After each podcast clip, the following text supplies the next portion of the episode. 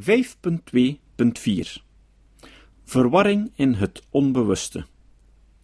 De grootste stichter van nodeloze verwarring in apologieën van de psychoanalyse, die al te vaak voor onterechte lofbetuigingen aan het adres van Freud zorgt, is ongetwijfeld de notie van het onbewuste.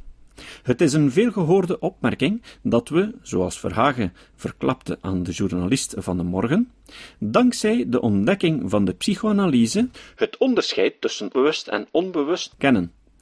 Het is echter niet alleen historisch onjuist om Freud als de uitvinder van het onbewuste voor te stellen, de psychoanalytische invulling ervan valt ook geenszins te rijmen met wat volgens Verhagen tegenwoordig in wetenschappelijke kringen aanvaard is.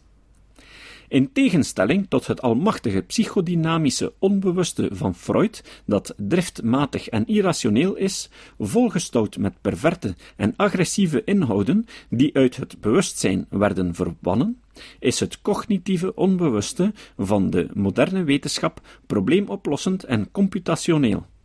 Kan het niet door vrije associaties ontbloot worden, is het geenszins uit onze bewuste geest verdrongen, en is het juist onontbeerlijk om gewoon te leven, denken en doen. Omwille van die verwarring vervangen de filosofen Daniel Dennett en John Campbell het woord onbewuste liever door de term subpersonale informatieverwerking. Adolf Grünbaum schreef dat The existence of the cognitive unconscious clearly fails to support or may even cast doubt on the existence of Freud's psychoanalytic unconscious in een uitstekend artikel dat de spraakverwarring omtrent het begrip onbewust opheldert, schrijft John Kilstrom The psychological unconscious documented by latter day scientific psychology is quite different from what Sigmund Freud and his psychoanalytic colleagues had in mind in fin de siècle Vienna. Their unconscious was hot and wet. It seethed with lust and anger. It was hallucinatory, primitive, and irrational. The unconscious of contemporary psychology is kinder and gentler than that, and more reality bound and irrational, even if it is not entirely cold and dry.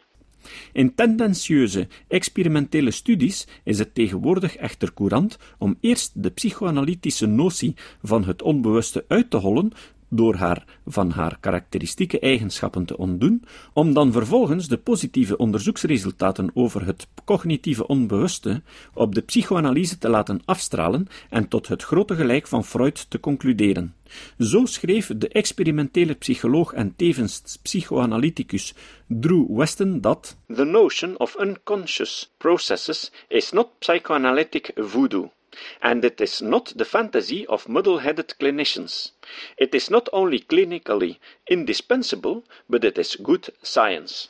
Norman Holland, een andere psycholoog met Freudiaanse sympathieën, deelde het standpunt van Western en stelt dat moderne studies de fundamentele stelling van de psychoanalyse hebben bevestigd dat much of mental life is unconscious. Michael Bash schreef op basis van de neurofysiologische evidentie voor het bestaan van onbewuste denkprocessen met een zekere overmoed dat Psychoanalytic theory has passed the epistemological test with flying colors. Ook Morris Eagle, nogthans een van de meest kritische en nuchtere stemmen in het Freudiaanse veld, bezondigt zich aan dergelijke misleidende spraakverwarring. Freud's claim that the major part of mental life goes on outside of awareness could be seen as a foundational assumption which is shared by most contemporary cognitive scientists. In feite is Eagle nutteloos voorzichtig wanneer hij het heeft over de meeste wetenschappers, want de stelling dat een groot deel van onze mentale activiteit buiten ons bewustzijn om gebeurt, is zo oncontroversieel dat geen enkele hedendaagse wetenschapper ze in de algemene formulering zou betwisten.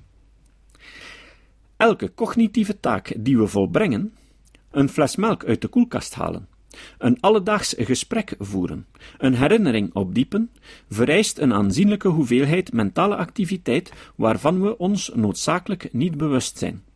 Daarnaast is er ook degelijke wetenschappelijke evidentie voor het bestaan van een impliciet geheugen en van subliminale perceptie, die onze gedachten, handelingen en zelfs onze emoties buiten ons bewustzijn om kunnen beïnvloeden.